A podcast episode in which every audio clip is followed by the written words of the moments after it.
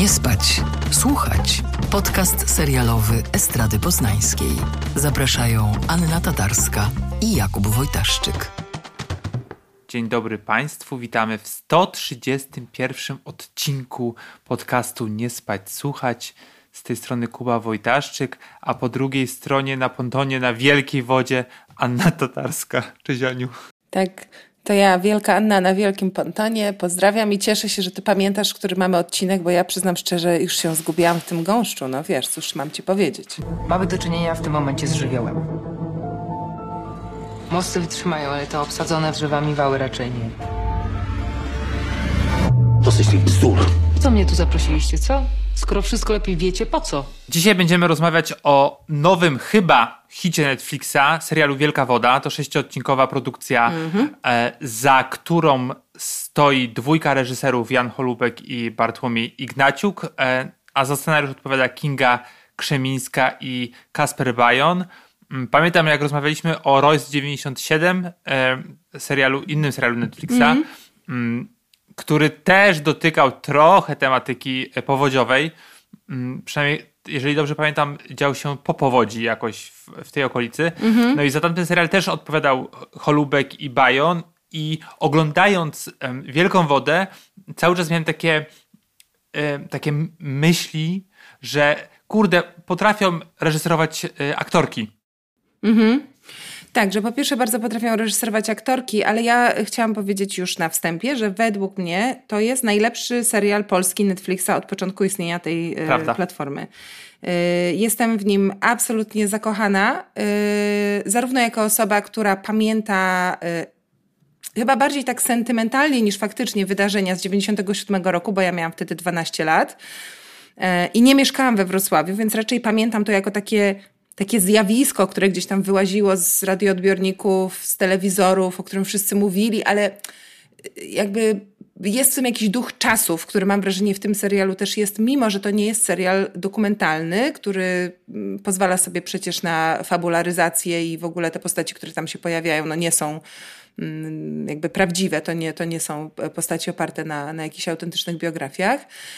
A z drugiej strony Zawsze narzekamy, jak y, w Polsce się ktoś porywa na coś bardzo ambitnego, jeśli chodzi o technologię, y, nie wiem, plany, prawda? No cały ten taki poziom realizacyjny, ponieważ niestety, ale często to nie wychodzi. Tutaj wyszło i ja y, pamiętam, że mogę chyba to powiedzieć, oglądałam ten serial na takich screenerach dużo, dużo wcześniej, y, przed premierą. To było mniej więcej wtedy, kiedy myśmy rozmawiali o mm, pięć dni w szpitalu Memorial. I tam w Pięć dni Szpital Memorial jest taka scena, jak woda zalewa Nowy Orlean, tak? Mówimy tutaj o wysokobudżetowym amerykańskim serialu. A ja już wtedy byłam po Wielkiej Wodzie i oglądałam to i miałam tak, pff, co? No beznadziejnie to wygląda. Ponieważ w Wielkiej Wodzie wygląda to świetnie. I y, ekipa techniczna, wiem, że też rzadko o tym mówimy, ale naprawdę ekipa techniczna tutaj i to cała, od y, charakteryzacji, scenografii, no s- wiesz, w ogóle produkcja, tak? Wszystko jest tu zrobione doskonale. No i nie wiem, jest w tym coś niesamowitego, że z jednej strony masz takie najmniejsze detale odtworzone, mm, typu wiesz, właściwe doniczki w oknach po prostu, niemalże i, i, i, i no, gigantyczna praca włożona w to, żeby tam stały te samochody, które powinny stać, żeby ci ludzie byli tak ubrani, żeby to były takie ramy okienne, no wszystko. A z, a z drugiej strony, no, jest to coś bardzo takiego nowoczesnego, em, co na tamte wydarzenia y, sprzed 25 lat patrzy ze współczesną wrażliwością, chociażby jeśli chodzi o postaci właśnie, od których ty zacząłeś. No tak, ale jeszcze y, pozostając na moment przy tym takim technicznym aspekcie tego serialu, to faktycznie woda tam zalewa Wrocław, czy... Nie, nie mam pojęcia, jak oni to kręcili, bo faktycznie mamy wrażenie, że...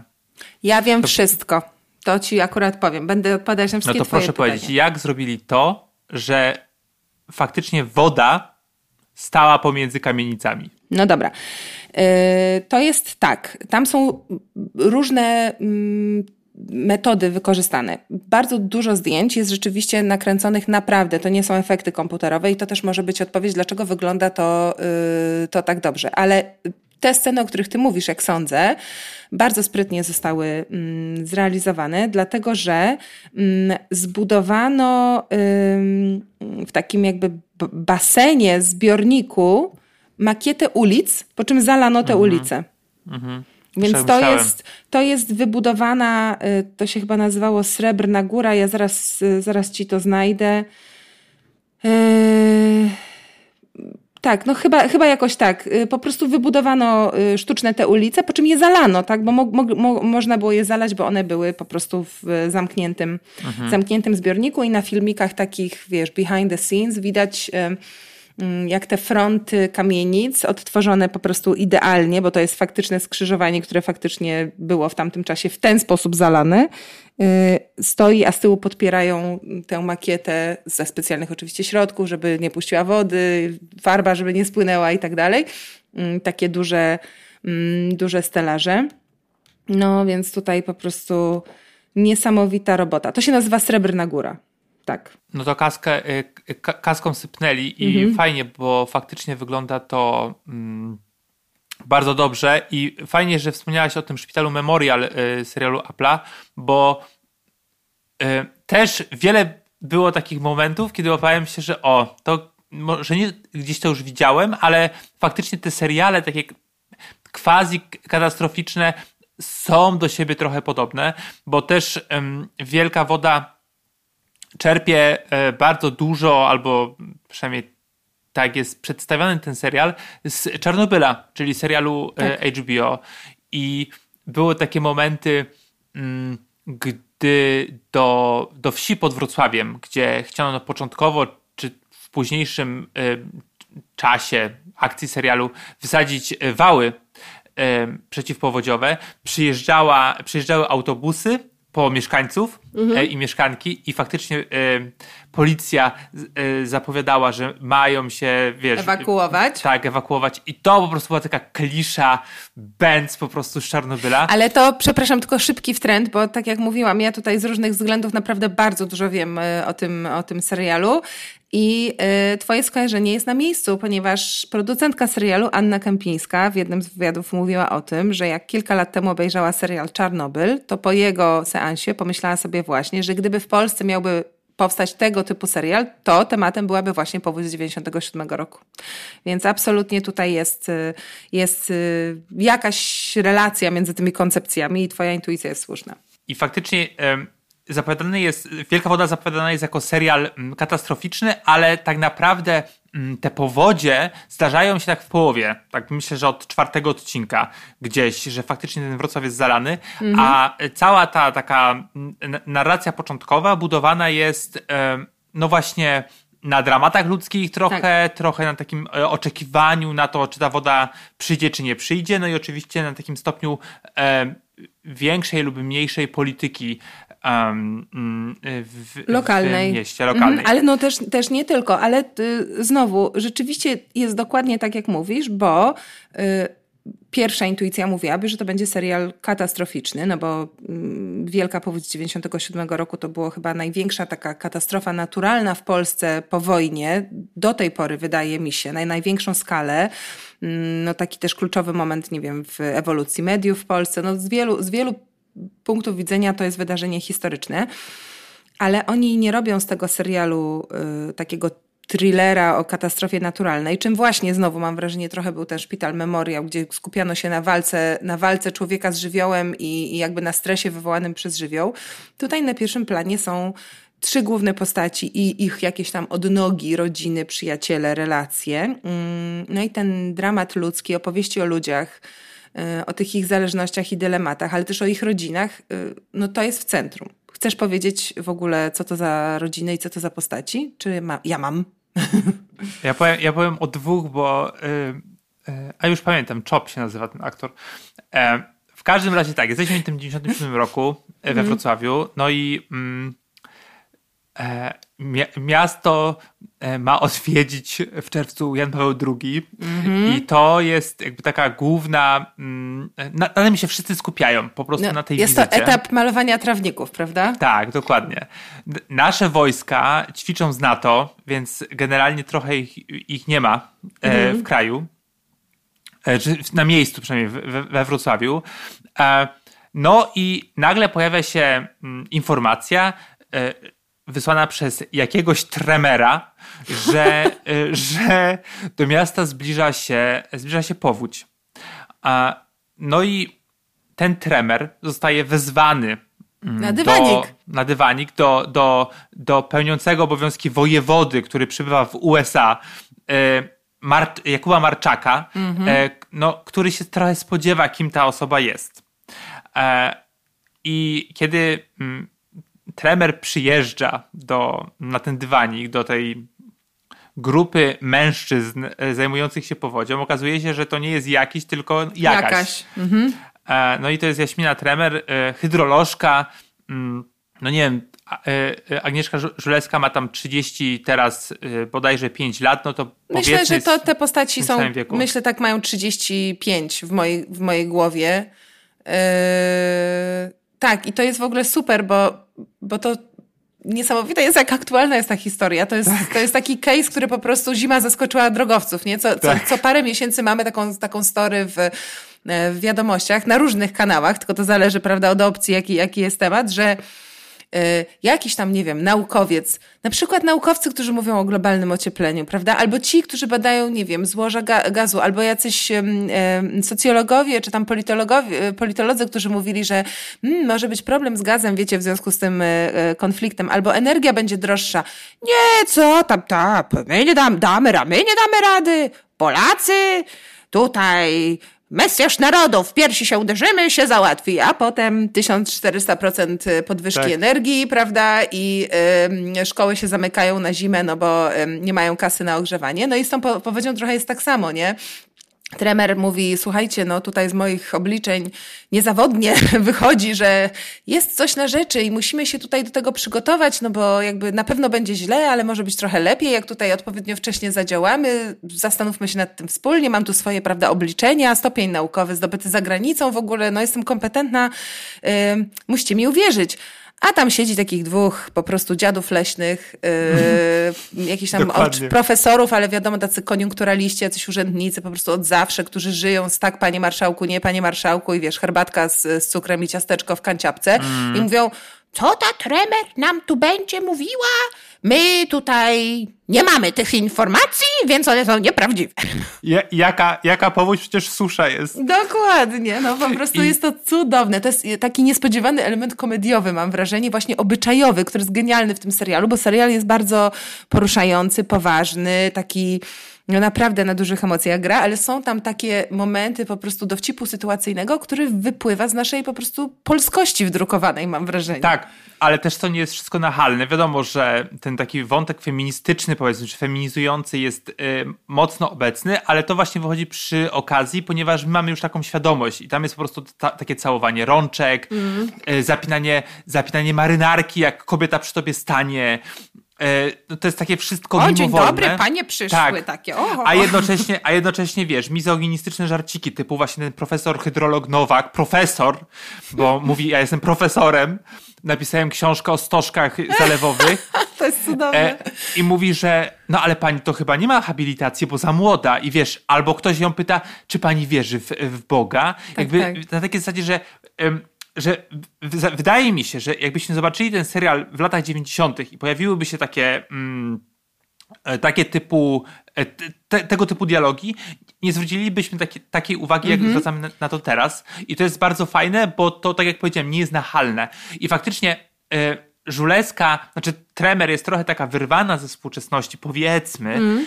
y, ale dlatego, że y, studiuje, studiowała w Amsterdamie, Mm, jest takim trochę wolnym duchem, nie jest e, umoczona w tych wszystkich właśnie takich powiązaniach e, na najwyższych szczeblach władzy wrocławskiej, mm, jest właśnie outsiderką. I to no, jest. Tak.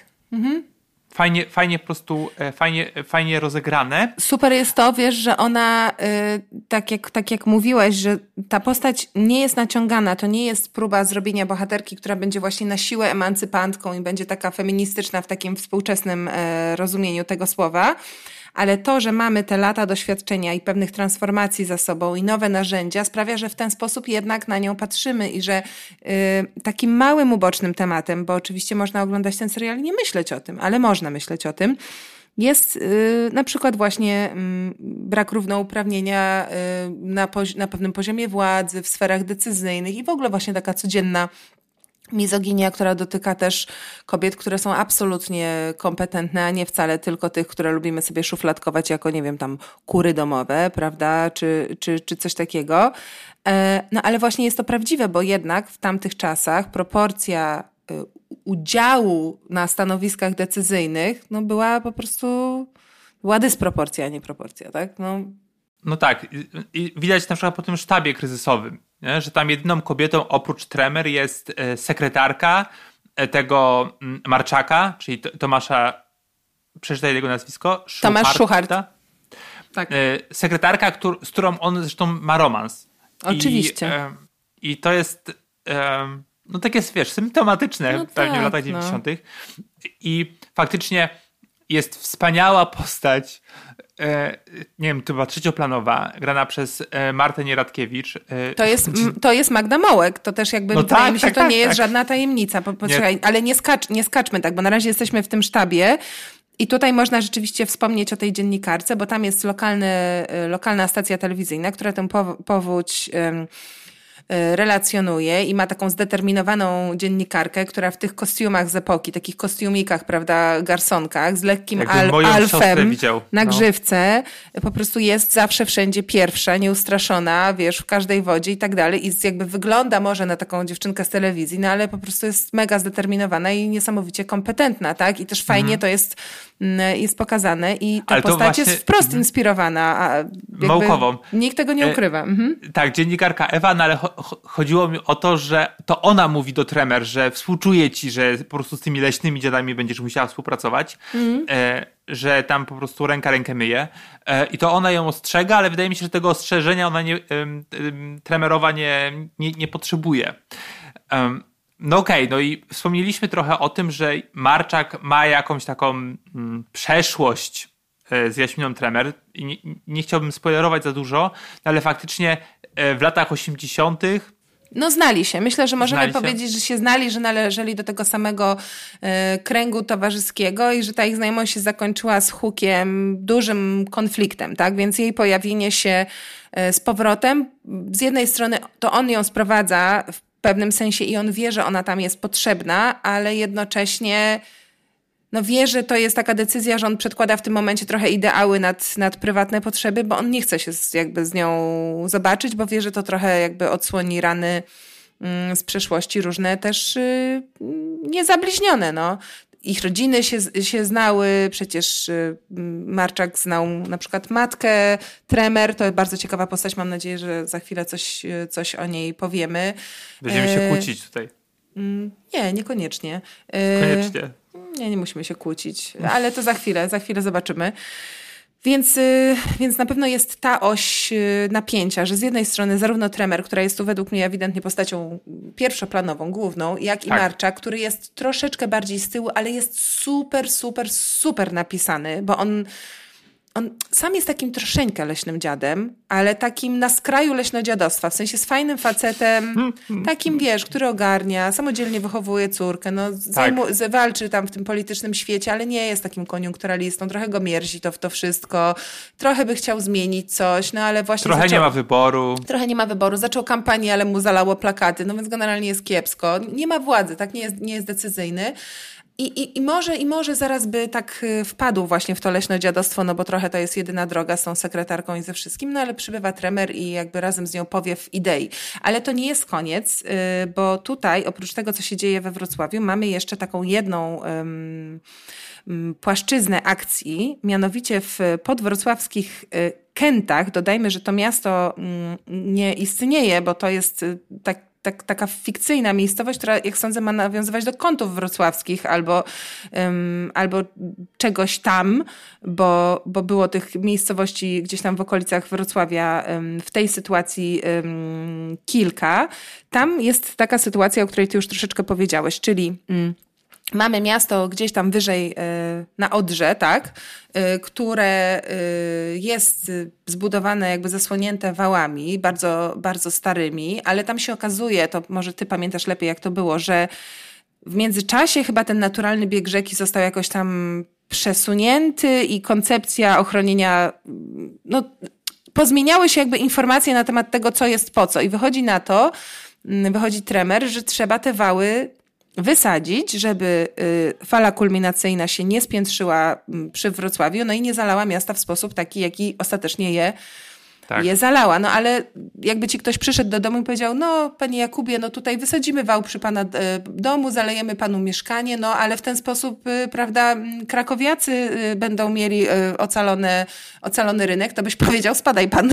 No dokładnie. No i dokładnie to się, mm, to się dzieje właśnie w Wielkiej Wodzie i takim przy, przywódcą, można powiedzieć, samozwańczym y, y, tego buntu przeciwko władzy, która tam już w pewnym momencie na ostro wjeżdża przecież z helikopterami i w ogóle z oddziałami y, wojskowymi i próbuje tam zrobić tam coś. Taka fajna, no to dokończ. Przywódcą mam... jest Andrzej Rębacz, w tej roli Ireneusz Czop. Postać interesująca, bo on jest trochę outsiderem sam, ponieważ jest to Polak emigrant, który jakiś czas temu wrócił z Niemiec, zdaje się, do rodzinnej właśnie pod Wrocławiem wrocławskiej wsi, dlatego że jego ojciec, który tam mieszka z dziada pradziada, choruje. Ten ojciec jest w szpitalu we Wrocławiu, w szpitalu, który zresztą no, zaraz zostanie zalany, więc Rębacz jest trochę rozdarty pomiędzy tym, czy bronić tych kęt, czy, czy jechać do szpitala i jakoś tam będzie musiał sobie to, to ogarnąć. Eee, no i tak, no. Ojca gra y, nieżyjący... Jerzy Trela. Jerzy Trela. E, też umiera w serialu, więc fajnie. E, chciałem powiedzieć jeszcze o dwóch rzeczach, mm. że Barczak startując do polityki ma hasło wyborcze bezchmurna przyszłość dla Polski. Cudowne. Bardzo doceniam ten żart. Mm -hmm. to to, ale faktycznie no on jest taki trochę umoczony, trochę nie jest, no bo stara się po prostu wszystkie, sroki za wszystkie ogon złapać, tak się mówi mm -hmm. chyba, nie? Mm -hmm. I jest fantastyczna scena, mm, jak po prostu cała grupa wrocławian jedzie e, do tych kęt mhm. mm. i jest jeden z bohaterów jest taki wojskowy, który fa faktycznie był wojskowym jeszcze w PRL-u, po prostu za komuny i ma też takie... Mm, Trochę za, zomo, zamowskie zapędy ma i musi tak, je tonować. Dosyć ostre, bo mhm. generalnie jest to, to jest mój taki mały zarzut, że jakby te i policja, i wojsko jest trochę rozgrywane na śmieszno. Mm. I, e, I nie wiem właśnie, czy to. Wydaje mi się, że to jest specjalnie po prostu taka no, ostra ironia, e, ale to jest taki moment, e, że on prawie zaczyna po prostu pałować tych rolników. To jest major, major, chyba Czacki, w tej roli Mirosław y, Kropielnicki. Ale to jest takie ur, urocze, oczywiście, o ile żart z przemocy może być, y, może być uroczy, że jakby fajnie pokazuje, mam wrażenie, moment, w którym wtedy była Polska, czyli że no, trudno oczekiwać, tak. żeby niecałe 10 lat po transformacji wymieniły się całe składy, na przykład policji, prawda, czy wojska i wiadomo, że wiele osób decyzyjnych jest gdzieś tam spadkami po ubiegłym e, systemie, który funkcjonował nieco inaczej i oni tak muszą sobie robić cały czas taki reality check, nie? Tak, tak wyciągamy, o nie, poczekaj, jest jednak 97, nie, nie, tego nie robimy, będziemy rozmawiać, nie? To jest takie, takie no i, smutno zabawne. Tak, jest nawet taka scena w, e, właśnie w, e, w, w policyjnym samochodzie i tremer mówi do, do komendanta policji, no, czy się spotka, może się pan spotkał z, z Marczakiem w latach 80., po, po dwóch stronach barykady, jak rzucał jak rzucał kamieniami w waszą stronę, bo przecież my pan, oni byli panko, pankami, tak. Pankami, pan, pankowcami, mhm. pankami byli zarazem z Tremer i no i ten policjant mówi, no, no, no, błędy młodości, czy coś takiego. I to są bardzo takie fajne momenty, że e, można sobie ten serial w ogóle wyobrazić inaczej nie? Że dostajemy po prostu laurkę, na przykład sentymentalną laurkę za latami 90., mm. albo jakieś takie właśnie bardzo naciągane, jakieś um, wątki scenariuszowe, a to jest wszystko takie, powiedziałbym, naturalne. Mm -hmm. e, i, e, I to super gra. No według mnie tutaj widać taki reporterski warsztat, który ma przynajmniej z tego co wiem e, Kasper Bajon mhm. i taką uważność w obserwowaniu rzeczywistości, że stworzono tutaj opowieść fikcyjną, to znaczy losy tych konkretnych bohaterów są oczywiście jakoś tam inspirowane wieloma rozmawia, rozmowami z wrocławianami, jakimiś informacjami, prawda, bo to musi być realistyczne, ale jednocześnie no one są, są fikcyjne, ale cały ten serial jest bardzo prawdziwy. Tak, tak, wydaje mi się, że, że w, w, nim jest siła i też właśnie tych wszystkich. Mówiłaś o szpitalu i też, mhm. też oczywiście można sobie pomyśleć, że to Memorial Hospital, bo, bo ten mm, budynek zostaje szybko zalany i też muszą przenosić e, chorych na wyższe piętra. Mm, e, to też, I tam właśnie jest Ola Skraba, która jest po prostu taką trochę wredną, e, wredną e, pielęgniarką. E, I, I fajne jest to, że ten serial pokazuje różne, mm, nie wiem czy grupy społeczne, to jest e, może grupy zawodowe bardziej, mm. które no, muszą bronić swojego dobytku, e, czy to takiego, wiesz, prywatnego, czy takiego publicznego e, przed powodzią i jest to fajnie pokazane. Jest też przecież sklep Marimaj spożywczy tak. i od razu chciałem kupić loda Pinokio, jak tylko zobaczyłem, co tam się dzieje. I to jest też wspaniałe. Mówiliśmy o umoczeniu w PRL-u, E, a jednocześnie lata 90., a ona jest po prostu taką sprzedawczynią, no taką trochę wredotą, ale że woli plotki. Też jest trochę dobra, taka, że ci na kreskę tam sprzeda, prawda? Tak. I, I zapyta, co, co, co w domu słychać, nie? I to są takie miłe, e, miłe akcenty. Mm, no ale okej. Okay. E, Marczaka i Tremer, tak jak powiedziałaś, e, łączy jeszcze jej matka, bo Marczak cały czas się nią opiekuje. Mhm. Mm. Tą matkę gra e, Anna Dymna, Anna Dymna e, którą ubrano w fatsuit, czyli taki kostium osoby otyłej. Mhm. No i dla mnie to jest najgorsza część filmu, mhm. serialu.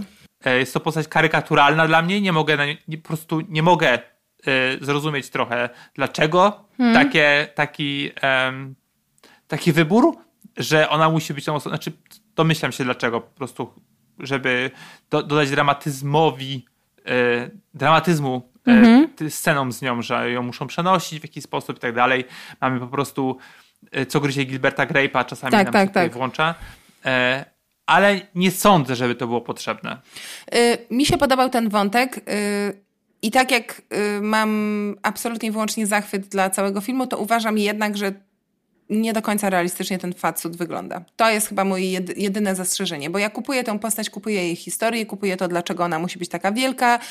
E, wydaje mi się to absolutnie realistyczne, no bo dodajmy tylko, tak znowu, żeby tutaj nie zdradzać za dużo, że relacja mm, Jaśminy z matką Leną jest cokolwiek toksyczna i na pewno to, że jest toksyczna jest jednym z wielu powodów, dla których e, Jaśmina się zdecydowała wyjechać z Polski zostawić dom i uciąć wszelkie wszelkie kontakty. No jest tam e, nie wiem, trudno mówić o miłości w takim rozumieniu, jakby miłość rodzicielska, ciepło, wsparcie. Na pewno trudno mówić o przyjaźni, za to można mówić o pewnej e, rywalizacji, projektowaniu jakichś oczekiwań lub też żalu za niespełnione mm, marzenia. No i też bardzo ciekawy jest właśnie ten wątek, że mamy tutaj osobę, która żyje cały czas wspomnieniem swojej dawnej świetności, bo, bo Lena Tremer jest, e, była mm, śpiewaczką operową, uwielbianą i, i, i, pożądaną, no a jakby los się potoczył tak, że teraz jest właśnie monstrualnie otyłą osobą, która właściwie nie jest się w stanie ruszyć z łóżka i, i zajada te, te, te żale. Więc y, dla mnie ta historia nie jest y, przesadzona. Mm, mam tylko. I, I, też Anna Dymna w tej roli y, mi się podoba, jej ekspresja i jakby poziom emocji wydaje mi się, że to fajnie w ogóle gra z tym, jaka jest na ekranie Jaśmina Tremer y, Agnieszki mm, Żulewskiej, że one są takie inne i że ja naprawdę rozumiem jakby jedną i drugą, ale też rozumiem taką bardzo trudną miłość między nimi. Miłość może bardziej przywiązanie, może bardziej jakiś atawistyczny instynkt tak, ocalenia, ocalenia swojej krwi, już sama, już sama nie wiem. I jedyne, co mi przeszkadza, to to, że właśnie mm, odnoszę wrażenie, że na poziomie łączenia twarzy z ciałem ta charakteryzacja nie jest idealna, y, co jest może być subiektywnym odczuciem i jest też dość zaskakujące, biorąc pod uwagę, że tutaj naprawdę, mówię, realizacyjnie to jest super, no ale ja osobiście uważam, że tam mogłoby być lepiej, no. No, ja myślę, że du dużo lepiej. E, ale czy, kończąc już pewnie ym, Wielką Wodę, czy wystarczająco zachwycaliśmy się rolą Agnieszki Żulewskiej w tym, w tym serialu? Możemy się pozachwycać, bo tutaj zachwytów nigdy nie, nie za wiele. Ja to jestem wielką fanką Agnieszki Żulewskiej, Mm. chociaż ostatni film, w którym zagrała, ym, czyli Cicha Ziemia, bardzo mi się nie podobał y, Okej. i uważam go za pretensjonalne G. Ym, ale tutaj jest po prostu, przepraszam za słowo, zajebista. To jest taki rodzaj surowej, dzikiej, ekranowej energii, który mnie po prostu wciąga i ja się chcę okładać Agnieszką Żulewską, smarować Agnieszką Tak. Żulewską i spać w Agnieszce Żulewskiej. To jest po prostu... Tremer jest tak charyzmatyczna, ona jest po prostu, człowiek się nią upaja. Naprawdę, po prostu włączasz ten serial, patrzysz na nią i masz tak tum, jak, jak w um, animacjach, jak ci się zaczyna, wiesz, pamiętasz Struś pędzi wiatr, jak się tak kręci e, w Looney Tunes, e, kręci się, albo tak jak u Hitchcocka, nie? W Vertigo, po prostu jest absolutnie hipnotyzująca i w ogóle casting w tym serialu jest, em, jest fantastyczny. Wszyscy są tutaj e, świetni. Mm, e, Chciałam zauważyć, e, nie ma jednej puszczonej roli nawet na drugim pla- planie. Epizodyści, osoby, które się no, gdzieś tam naprawdę przewijają w tle i często nie przykłada się do tego takiej wagi. One mają bardziej, prawda, wyglądać. e, No nie, Mm, nie w tym przypadku.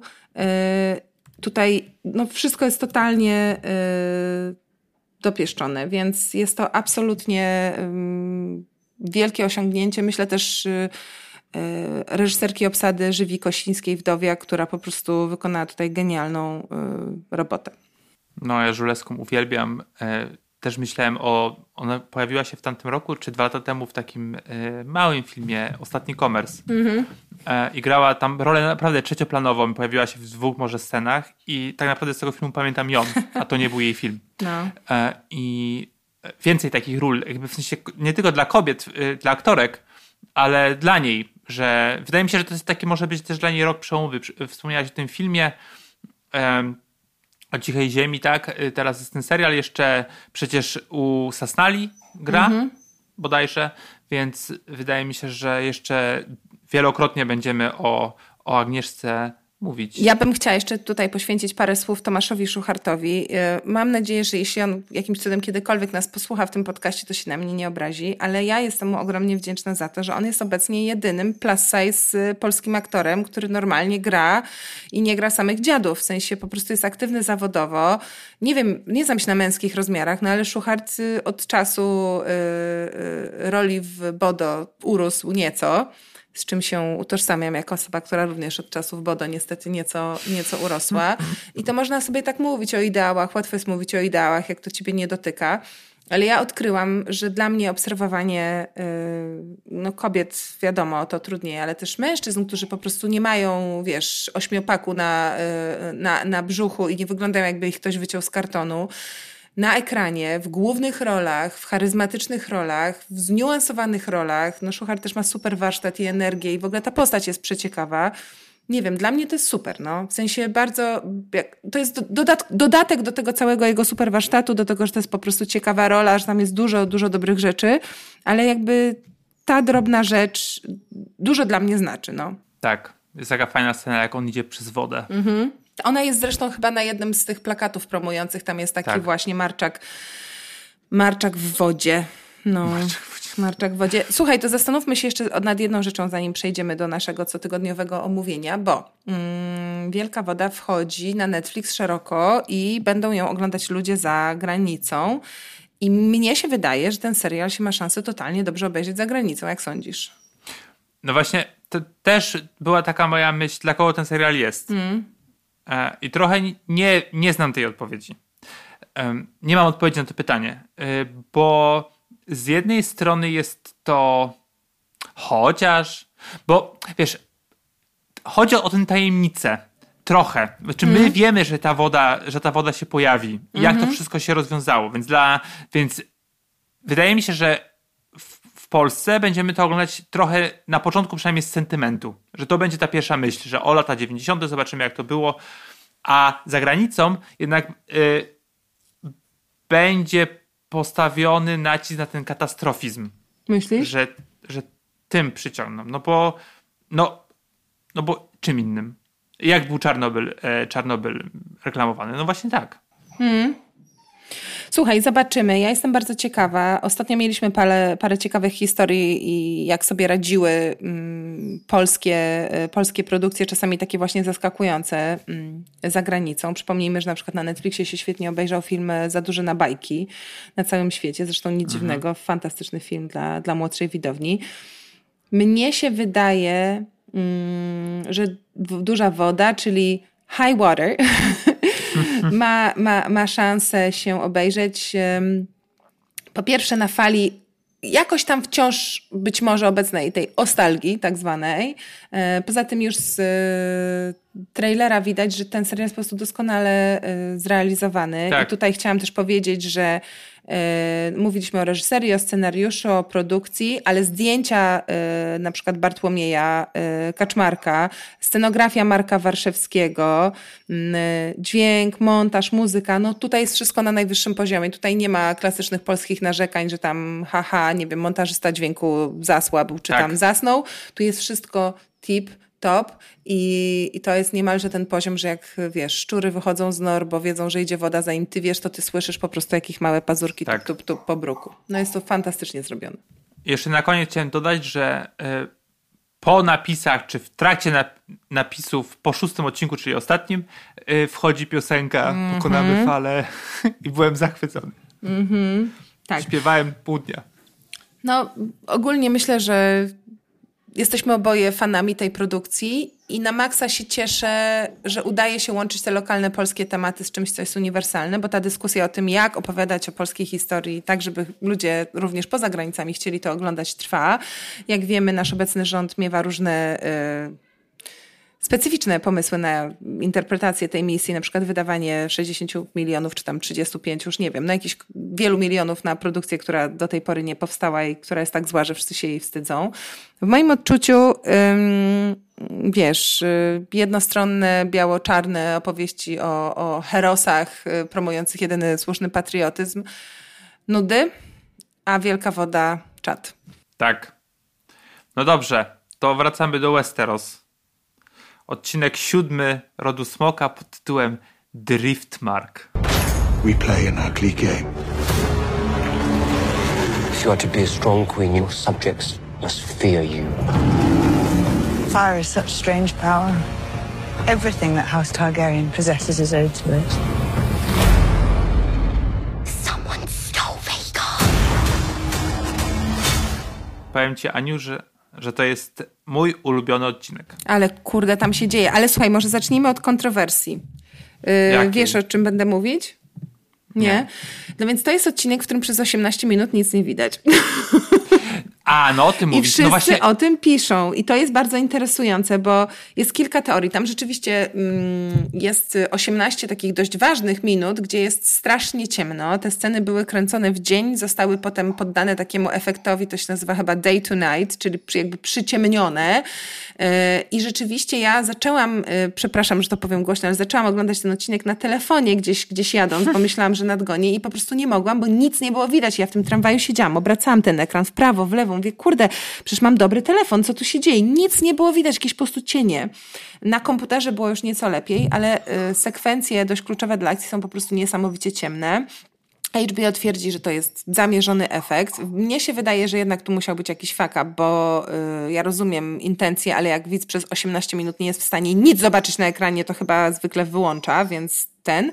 A odcinek jest świetny, tak, to prawda. Ja się zdziwiłem, y, słysząc taką y, ko co? Ko... co? co nie wiem. Słysząc? Kontrowersje. Kontrowersje. Ja nie, właśnie nie wiem, co chciałeś powiedzieć. Kolaudacje? Słysząc te kontrowersje. Dlatego, że ja oglądałem w perfekcyjnych warunkach, czyli na telewizorze miałem ciemno, zupełnie ciemno, tylko małe światełko, żeby robić notatki e, i widziałem wszystko. Ale, i też miałem telewizor dobrze ustawiony, więc generalnie... Y, nie mogę narzekać, mm. ale nie można wymagać od widzów widzek, że wszyscy będą mieli, wiesz, perfekcyjne warunki, bo niektórzy, Dokładnie. tak jak ty, co jest dziwne, lubią oglądać na telefonie. Nie e... lubię oglądać na telefonie, ale czasami nie ma wyjścia, Kuba, no. Prawie jak, no, no dobrze. No okej, okay, ale faktycznie y, była ostra beka, bo mm, HBO przygotowało odpowiedzi na Twitterze już takie gotowe i po prostu wysyłało do um, rozpaczonych fanów, fanek um, te same wiadomości. Tak. Więc musieli widzieć to już w postprodukcji, że tak, że tak będzie i przewidzieć po prostu to, tę sytuację. W każdym razie e, jest to bardzo dobry odcinek. E, nie wiem, czy to cokolwiek znaczy, no bo ten serial jest ok po prostu, ale e, rozpoczyna się od pogrzebu Leny, mhm. czyli dobrze, że nie było znowu skoku o 10 lat, w, wiesz, przyszłość, tylko jesteśmy mniej więcej w tym samym momencie, w którym skończyliśmy tydzień temu. Mm, no i wszyscy zbierają się na, w Driftmarku, czyli mm, domu e, nie tylko Leny, ale i jej rodziców, czyli e, Renis i Korolysa i też męża e, Rynery mm, Lenora. No i jest to taka walka po prostu na wzrok i na wiesz, jakieś takie delikatne, przynajmniej na początku, no, ruchy, wiesz, ramion, dłoni, jakieś sygnały. Jest to takie bardzo dla mnie, mm, było dla mnie takie mm, no, pasjonujące. Tak, że... bo to jest scena, która się rozgrywa przy zamku yy, Driftmark, tak? Dobrze, dobrze mówię. Tak. To jest tam, gdzie, gdzie jakby ród właśnie Velarionów y, rezyduje od, od setek, jak sądzę, lat. Y, na takim skalnym tarasie nad, nad wodą, bo tam tradycja mówi, że te trumny se, ze szczątkami się wrzuca do, do wody, oddaje się je wodzie, bo tak jak dla Targaryenów żywiołem jest ogień, to dla Velarionów tym żywiołem jest woda. No, więc Lena zostaje zwrócona w wodzie i wszyscy na tym po prostu kamiennym e, tarasie tam w, żałobie sączą wino, niektórzy e, trochę za szybko. Mhm. I właśnie tak y, krążą w grupkach. To jest tro trochę tak jak y, impreza studencka, na którą przychodzisz, nikogo nie znasz, tak. chciałbyś kogoś poznać, ale trochę się wstydzisz, trochę chcesz wyglądać cool, ale nie wiesz, co jest cool w tym środowisku. I jest to fantastyczne, bo znowu trochę tak jak w tej Wielkiej Wodzie, że scena jest ewidentnie dramatyczna i pełna napięcia, no bo wszyscy wiemy, że tam są wszyscy ze wszystkimi pokłóceni, mi milion tajemnic, y, połowa z nich to tajemnice Poliszynela, ale niektóre naprawdę tajemnice. Walka o władzę trwa nawet jak po prostu śpisz ale jednocześnie jest trochę śmiesznie, bo jest po prostu tak, tak dziwnie, tak niezręcznie momentami. Tutaj jakby z jednej strony jest prawdziwa, mm, prawdziwa żałoba, z drugiej strony knucie, no różne poziomy zaangażowania w sytuację, więc jest to scena naprawdę taka, gdzie niby się dzieje niewiele, ale ale no bardzo brzemienna w znaczeniu. A tym bardziej, że to jest scena, w której y, zabiera głos y, Viserys. Viserys, który już chyba zaczyna mieć lekką demencję, nie masz wrażenia? No, demen, de, ten, witamy w, w, w, mieście demencja. Już puka do mych drzwi. E, mówi to... Do no. Alicent mówi, Emmo, to ja już pójdę. ja Emmo, już pójdę. No i po prostu no. wszyscy tylko... Ups! E, machają e, e, rękoma, ale zanim to się mm, wydarzy, no to faktycznie dzieje się tam bardzo dużo, pomimo że tych słów nie jest aż tak wiele e, wypowiedzianych. Tam Alicent już po prostu łypie z pogardą na, na Renera, ale nie tylko ona, bo ewidentnie te takie plotki, nie wiem czy są plotki, ale jakby to, że dzieci ma z nieślubnego łoża e, no, są ewidentne i po prostu wszyscy, wszyscy zwracają na to uwagę, bardziej lub mniej. Mm, no ale też widzimy, że pojawia się Otto Hightower, czyli ojciec Alison, który no, powrócił e, na królewskie łono i jest znowu namiestnikiem króla po śmierci Stronga w poprzednim odcinku. No właśnie, Kuba, bo ja sobie zdałam sprawę, że ja oglądając ten, że ja nie pamiętam jak zginął Harwin. Co się no stało z Harwinem? No spalili go w tamtym tygodniu przecież. Ale to... Ale to... O, brat, brat spalił Harwina i ojca.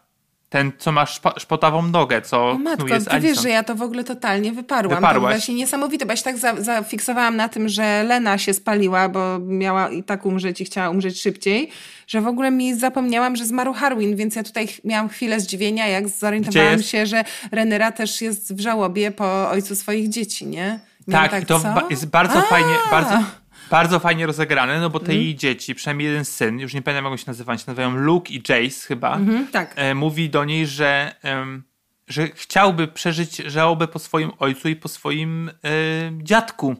Tak. I nie może tego zrobić, ponieważ to jest po prostu e, no nielegalne to, że oni się urodzili, z, e, jakby w sensie oni są e, potomkami jego, a nie, a nie Lenor.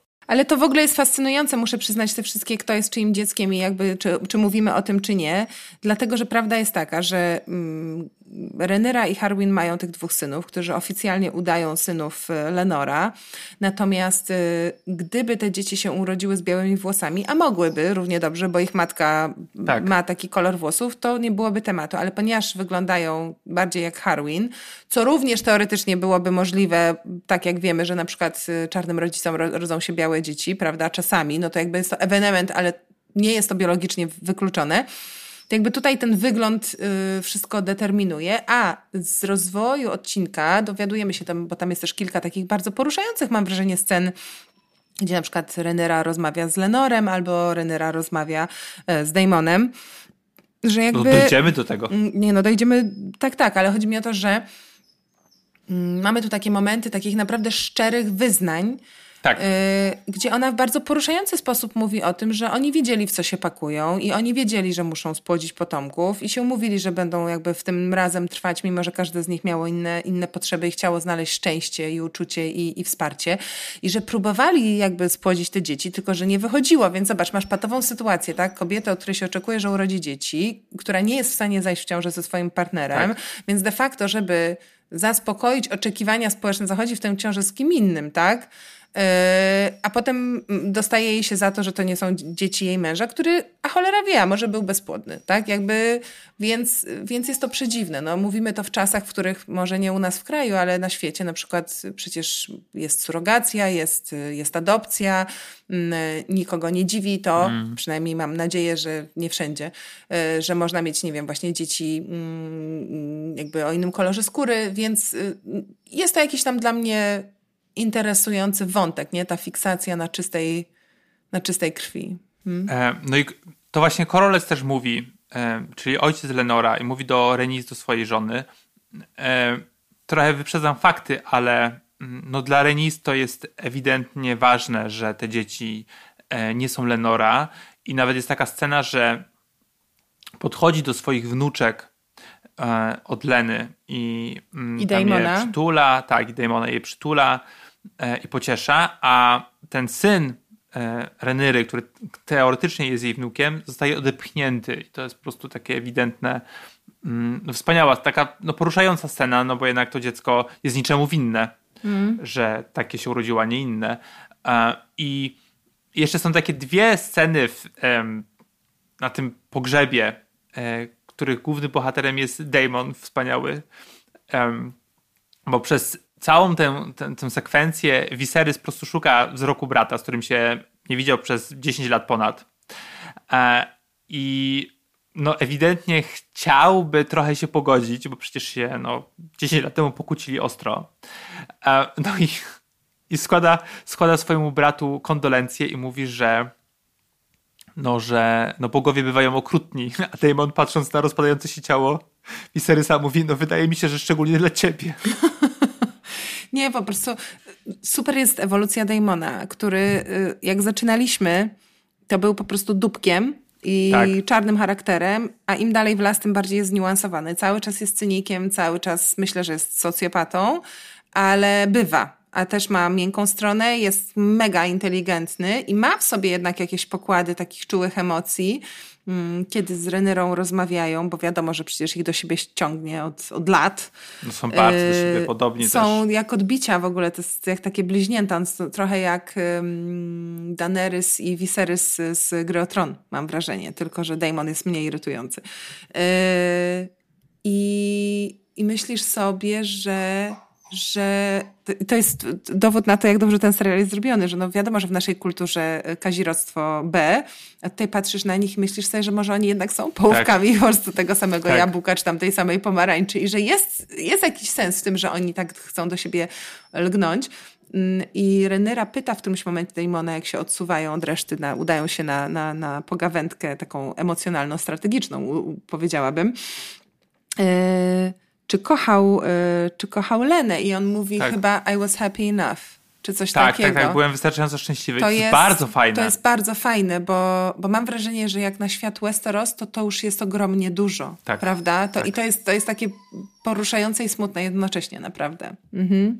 No okej, okay, to chcesz się zatrzymać na plaży i porozmawiać o tej całej e, sytuacji? Ja bym powiedziała, jest... że posuń się na plażę, Kuba, teraz. E, bo jeszcze bo jeszcze wrócimy na moment y, do, do Reniza, ale to może zaraz. Mhm. Faktycznie mm. zostajemy na tej plaży, bo mm, no bo Renera, e, Renera szukała też na, e, w czasie tego mm, pogrzebu wzroku wuja. No, to ewidentnie ciągnie jej do, do siebie, ale to też jest taka osoba, która no po pierwsze nie widziała przez 10 lat, ale po drugie Y, ona ma słuszne wrażenie, że on ją po prostu zrozumie, mm -hmm. zrozumie jej sytuację, która i to, że jest pogardzę, pocieszy ją y, w, w, tej pogardzie, którą y, czują do niej wszyscy dookoła właściwie. Mm. I nawet jest taka scena na tym pogrzebie jeszcze, że w pewnym momencie Damon wybucha takim nerwowym śmiechem mm. I to jest ewidentnie, znaczy dla mnie przynajmniej tak czytam, że po prostu chciał jakby odwrócić wzrok e, Alicent i po prostu wszystkich innych od tej e, biednej Renery, mhm. która tam stoi po prostu i no i cierpi ewidentnie. Mhm. No i, e, i faktycznie, tak jak powiedziałaś, na tej plaży dochodzi do takiego mm, takiej naprawdę szczerej rozmowy i widać, że to jest też wspaniale zagrane, widać, że e, Renera potrzebowała tego, że nie, nie ma takiej osoby powierniczej, e, z którą, e, której mogłaby wszystko wyjawić, całą prawdę, że no właśnie, mhm. że miała romans z tym Harwinem. Z tym Harwinem, że, że są te dzieci, to co powiedziałaś, nie? że stara, starali się z Lenorem, ale no nic z tego mhm. nie wyszło, że to jest po prostu fiasko. I, i E, Demon ją rozumie. Damon, Demon, Damon ją rozumie. Mhm. E, I e, przytula i oczywiście dochodzi do mm, zbliżenia. Do, do, zbliżenia do pocałunku, a później do seksu po prostu w czymś, co wygląda jak bar piwny na plaży w Mielnie poza sezonem. tak. ale, ale faktycznie jest to scena taka, no, no właśnie tak jak powiedziałaś, nie, że jakby niby to kazirodztwo, że powinniśmy mówić BBB, ale jednocześnie jest to w jakiś sposób takie e, no, sensualne, ładne i kibicujemy im. Tak, ale mówię, to jest po prostu niesamowicie przewrotne, prawda? Bo ty wiesz, że po prostu powinieneś się czuć odrzucony, ale trochę masz wrażenie, że po prostu kochankowie, którzy byli sobie przeznaczeni, o to właśnie po prostu wreszcie, e, wreszcie są, e, są, są zjednoczeni, więc to jest, to jest, to jest takie dość, dość niesamowite rzeczywiście. No i jakby alternatywą do tego, czy takim właśnie odbiciem y, lustrzanym jest po prostu, są sceny z życia małżeńskiego Renis i um, Korolysa, bo rozmawiają ze sobą przy, przy kominku mhm. i faktycznie um, Renis jest wściekła, no, też no, straciła córkę, mhm. ale, ale też jest wściekła na to, y, że... Mm, znaczy, po pierwsze jest wściekła na męża, że on cały czas, pomimo tylu lat, ciągle e, dąży do tego, żeby je, jego potomek... Zasiąść na tronie, tak. Tak.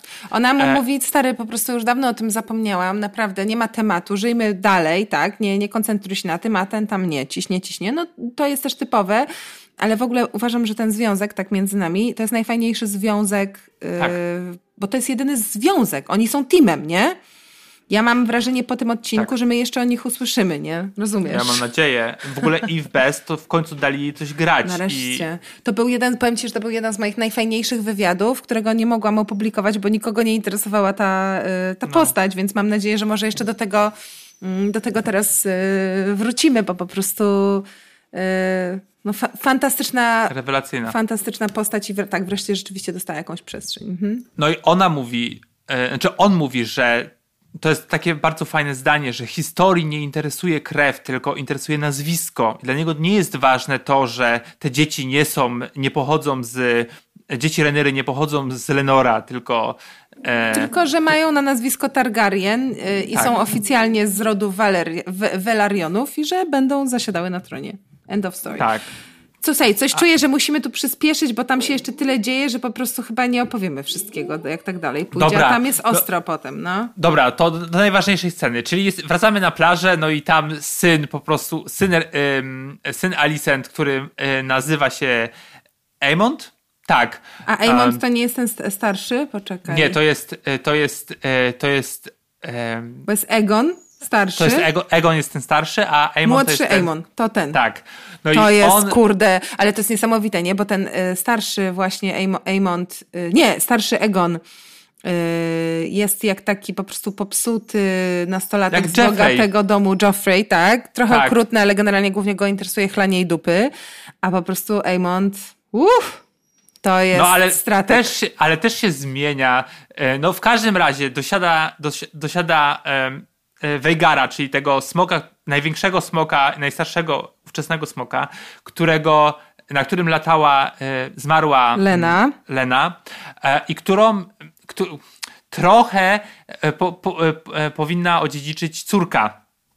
E, Ta młodsza córka, córka Leny. Oczywiście to nie do końca tak jest, bo to smok trochę wybiera sobie swojego jeźdźca, swoją jeść, jeźdźczynię i wy, wybrał e, ewidentnie Aemonda. I to jest świetna scena, w sensie bardzo dobra, e, bardzo dobre CGI z tym smokiem. Miałem taki Jurassic Park vibe po prostu, Tak, tak że jest takie ekscytacja i zachwyt, nie?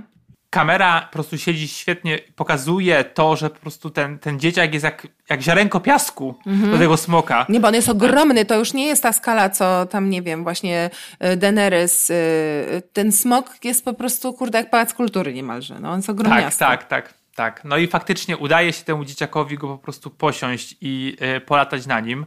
No i e, bardzo szybko, jak on już wraca, dochodzi do konfrontacji pomiędzy nim a e, synem, e, synem em, em, Renyry i córkami Damona i Leny. No i w, e, w, jakby nazywa mm, e, tych synów bękartami, no i się po prostu tam kłócą, no i ten, ten syn Alicent traci oko. Dodajmy, No traci- że, że, że jakby rani go y, y, syn y, Renyry, tak? Y, oczywiście to y, Aemond, tak, rozpoczyna y, eskalację, mam wrażenie, że to on jest jakby prowodyrem tutaj y, tego, że te napięcia mm, idą tak, tak wysoko, no ale de facto syn Renyry rani y, syna Alicent i rani go poważnie, no bo o, oślepia go, tak? Więc, y, więc z tego się rozpętuje, y, że tak powiem, wielka inba. No, a wspaniała impa. Znowu się spotykamy po prostu e, w tej sali kominkowej. Tak, Family tam wszyscy- Dynamics, y, wersja ekstremalna, no. Są tam wszyscy oprócz Lenora, który woli jednak chlać gdzieś ze swoim kompanem e, Karlem. Tak, gdzieś tam cierpi, nie? E, I cierpi tak, no bo on też płakał bardzo ze, siostrą. No i faktycznie e, dochodzi do takiej konfrontacji pomiędzy Renyrą i Alicent, że w pewnym momencie Alicent żąda oka syna, syna Renyry. I to jest wspaniała po prostu scena, bo wszyscy patrzą na nią jak na, na ostrą wariatkę. E, Wyse- Viserys, którego nikt nie szanuje, nikt go nie słucha, drze się w niebogłosy i pyta w pewnym momencie tego młodszego syna, skąd usłyszałeś słowo w ogóle bękar, bo też o to w tym wszystkim chodzi, że nie, nie można mówić na... em, Że nawet na jeśli wszyscy wiemy, to, To nie, nie używamy można. tego słowa, prawda? Bo jakby tak, tak. No tu też chodzi o to, żeby ustalić, y, kto mu to, kto mu to powiedział. No prawda? tak, no I to, to jest tak kręcone, że mamy myśleć, że mu to oczywiście powiedział Otto, ale on mówi co innego. No nie Otto, tylko ten brat młodszy. Nie, no mówię, że tak starszy. jest kręcona ta scena, że mamy Aha. myśleć, że to, że to jest wina Otta, no bo on powraca, prawda, mimo że wcześniej Tak. y, już był oskarżany o to, że, że knuje na rzecz, y, na rzecz Tak. właśnie Alicent i obsadzenia swojej, swojej linii na tronie. Tak, no ale też jest pokazane tak, że ewidentnie powiedziała to Alicent, ale Oczywiście. ten, ten dzieciak nie mówi tego, tylko mówi na, na tego swojego starszego brata, To a ten on. starszy brat... A ten starszy brat... Ja? Taki zdziwiony. Bo on w ogóle odłączony od tego wszystkiego. Ale I mówi fak- potem coś, coś w stylu, że przecież wszyscy to wiedzą chyba, czy że wszyscy tak mówią, nie? I jakby jest taka, y, taki Tak, konsternacja. moment konsternacji. Na Tak. zasadzie, mm, okej, dobra, to zmieńmy temat. No i faktycznie Alicent e, tutaj no już ostra jest hejka od klejka e, i bierze, mm, jak to się nazywa, dagger, czyli co? Sztylet bierze e, Viserysa i próbuje po prostu wybić oko Nie, ona dostaje e... takiej e, his, no, histerii, jakby mam nadzieję, że to nie będzie seksistowskie określenie. Mężczyzna też może dostać histerię, ale po prostu wpada w jakiś szał, w jakiś amok i, tak. i żąda po prostu sprawiedliwości, ponieważ oczywiście Viserys mówi, o już dajcie spokój, podajcie sobie ręce, wszystko będzie dobrze, tak jakby dochodziło, nie wiem, o zdeptaną babkę z piasku, a nie o to, że jeden drugiemu wy, wygrzebał gałkę oczną, no ale to już jakby in, inna sprawa. Rozumiem, że każdy ma inny poziom wrażliwości. A ona po prostu oko za oko, ząb za ząb, daj tak. mi oko swojego dziecka. Tam ci, what? W ogóle pogrzało no. cię kobieto, dawaj mi tę gałkę, oddaj gałkę. No i nikt jej nie chce oddać gałki, więc ta posztylet Nawet... i po prostu sama się na tę gałkę zamierza. No ale oczywiście tutaj tak. wkracza Rynyra i mówi, nie będziesz wygrzebywać gałki ocznej syna mego, ty dziewko. No i yy, no jest, leje się krew. Ale też mówi, że teraz wszyscy ujrzeli y, ciebie jaką jesteś naprawdę, no tak. bo tak naprawdę y, każdy uważał ją jako taką Słodką, no, ofiarę.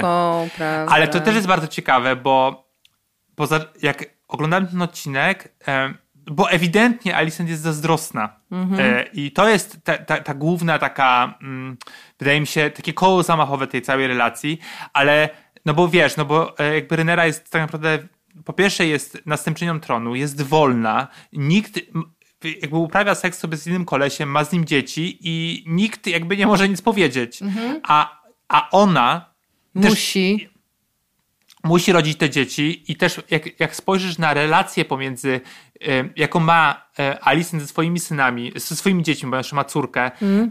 a, mm, a Renera ze swoimi chłopcami. No to u Alicent to coś nie wyszło, nie? No tak, że tam jest po prostu e, ewidentnie to jest ciągłe przypomnienie, że została przymuszona do małżeństwa. Nie, no oni porodów. nią pogardzają, nie mają specjalnie za dużej no. relacji, trochę się z niej śmieją, natomiast Renera ze swoimi synami jest blisko i masz wrażenie, mają tak. taką bardziej współczesną relację. No i też Renera um, myślę, że y, ma w swoim życiu taką prawdziwą bliskość, prawda? Ta relacja z, z Harwinem, jakaś tam abstrakcyjna, ale nic jednak porozumienia z, z Damonem, czyli taka świadomość, że możesz mieć kogoś, komu możesz jakoś tam powiedzmy zaufać. Nawet jej małżeństwo z Lenorem, prawda, yy, też jest w pewnym sensie jakoś tam oparte na zaufaniu, przynajmniej do pewnego stopnia, ale o tym za chwilę. Yy, natomiast Alicent po prostu jest wrzucona w, no, w tę grę, nie ma nikogo bliskiego i, i jedyne na co może liczyć, to osoby, które są jej lojalne, bo im się to opłaca, tak? I taką osobą jest w tym momencie Kristen Cole, który po prostu z... Najgorszy! Z, y, z chłopaka z okładki y, Bravo y, tak. stał się po prostu gorzkim incelem, który zrobi to, co mu Alicent każe, bo nienawidzi Renery, nienawidzi całego świata i po prostu został odrzucony z takim o! Homofo homo homofobiczny żart po prostu Alicent, po prostu tylko on się, on się tam zbrechtał. Nie, no słuchaj, ale to jest idealna historia, uważam, bo to wychodzi na to, że czasami idealizujemy pierwszą miłość, a potem spotykasz tego chłopaka 20 lat później w sklepie, odwracasz głowę i masz tak o tak. matko! To on! To jest ta historia. To jest ta historia Renera i Kristen Cole. Po prostu było gorąco, ale teraz udajemy, że się nie znamy, bo generalnie wolałabym, żeby wszyscy tak. nie wiedzieli, że z nim sypiałam. No, tak. W każdym razie z zachowaniem Alicent dumny jest tylko jej ojciec, który przychodzi i mówi w końcu zrozumiała, że o tym wszystkim chodzi. Nie znałem cię e, z tej strony. E, no i no ale okej, okay, jest jeszcze jedna scena pomiędzy, mm, pomiędzy E, Rennerą a Damonem, w której e, Damonem, w której ona proponuje mu małżeństwo. I, Co logistycznie jest utrudnione przez fakt, że ma męża. Tak, no i jest wielka teraz chucpa, która sugeruje nam, że um, oto e, Lenor zostaje zabity przez swojego kochanka Sir Karla, który y, to Sir Karl no, musi, musi odejść, więc Lenor jest smutny, bo nie dość, że umarła mu siostra, to jeszcze jego ukochany powiernik musi odjechać, spełnić tam jakieś swoje wojskowe obowiązki. Y, Damon y, proponuje Sir Karlowi, że zapewni mu takie skuteczne zniknięcie, że tak powiem. W Pentos, tam w Pentos, gdzie mieszkał. Jeśli jeśli zabije Lenora, no, bo, bo, bo Damon wie, jak świat działa i wie, że sakiewka pełna złota to potrafi po prostu y, dużo załatwić. No i rzeczywiście y, akcja zostaje, y, zostaje przeprowadzona. W książce Sir Karl y, Lenora zabija, no i tutaj mamy, że tak powiem, wielkie odejście od książki. No wspaniałe odejście od książki, w sensie wolałbym, żeby, żeby był ten e, cliffhanger i nie wiedzielibyśmy, jak się to skończy. Mm. Dopiero w, w, kolejnym odcinku. Mm. Mm, ale tam znowu jest 15 lat do przodu i dzieci są już w ogóle innymi e, aktorami, innymi aktorkami. Um, no ale Lenor e, przeżywa i razem z Karlem no to znaczy, że Kar... Ale tak, też dodajmy, że cała sprawa zostaje zainscenizowana tak, że wszyscy są przekonani, że Lenor nie żyje, ponieważ zostało pozostawione nadpalone ciało w jego ubraniu. Oczywiście był to jakiś podstawiony tam giermek czy, czy, czy, czy ktoś inny, który wcześniej z kolei zaalarmował wszystkich, że, um, że tutaj się dzieje źle, więc jakby wszyscy wiedzą, kto to zrobił. Tak? To znaczy Sir Karl jest winny, Lenor jest martwy, chociaż, chociaż nie jest. Rodzice są w żałobie, bo właśnie stracili drugie, ostatnie swoje swoje dziecko, Renis y, i Corlys. No i yy, Renyra i Damon mogą się hajtnąć i robią to. I to jest pierwszy ślub na ekranie, który nie jest krwawy. Chociaż dodajmy, że tutaj też jest y, blink blink do, do widza, bo oni mają takie charakterystyczne stroje, które mają czerwone doły i wyglądają jakby były umoczone w krwi. krwi. Ale jest to bardzo piękna scena, bo to jest bardzo intymne wydarzenie, na którym są tylko ich dzieci. Y, I te dzieci, wydaje mi się, są z tym okej. Okay. W sensie to jest jakby, to jest trochę tak, że to jest cała rodzina, która nam została, tak? tak jak Renera mhm. mówi w którymś momencie, ja sama nie dam rady zielonym, tak? Wiadomo, tak. że przecież jedyny czerwony po drugiej stronie, jaki został, to jest Viserys. Viserys, który już jakby, tak jak powiedziałeś, hejka od klejka, tak? Nie, nie ma go. Viserys jest czerwono-zielony, też jakby ma, cały czas żyje w tej łudzie, że, że jakoś to się wszystko da załatwić.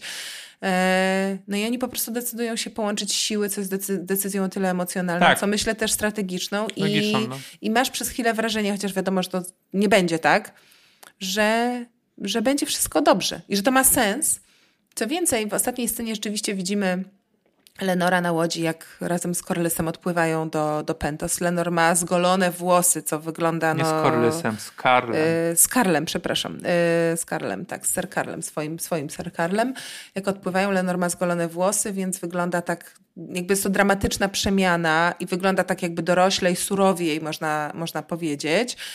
Um, I chociaż no, Renera nie sądzę, żeby uzgodniła z nim, prawda, że go zabije i żeby on był z tym okej, okay, to ja mam trochę takie poczucie, że Lenor to się nie będzie mścił.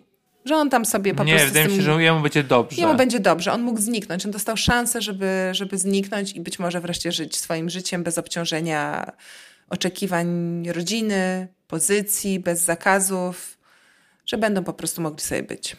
No i teraz pytanie jeszcze pozostaje takie, pewnie to się wyjaśni w przyszłym odcinku, y, co zrobi Renis i Corlys, no bo oni nie wiedzą, że przecież Lenor żyje, no i stracili w jednym odcinku, stracili dwójkę dzieci.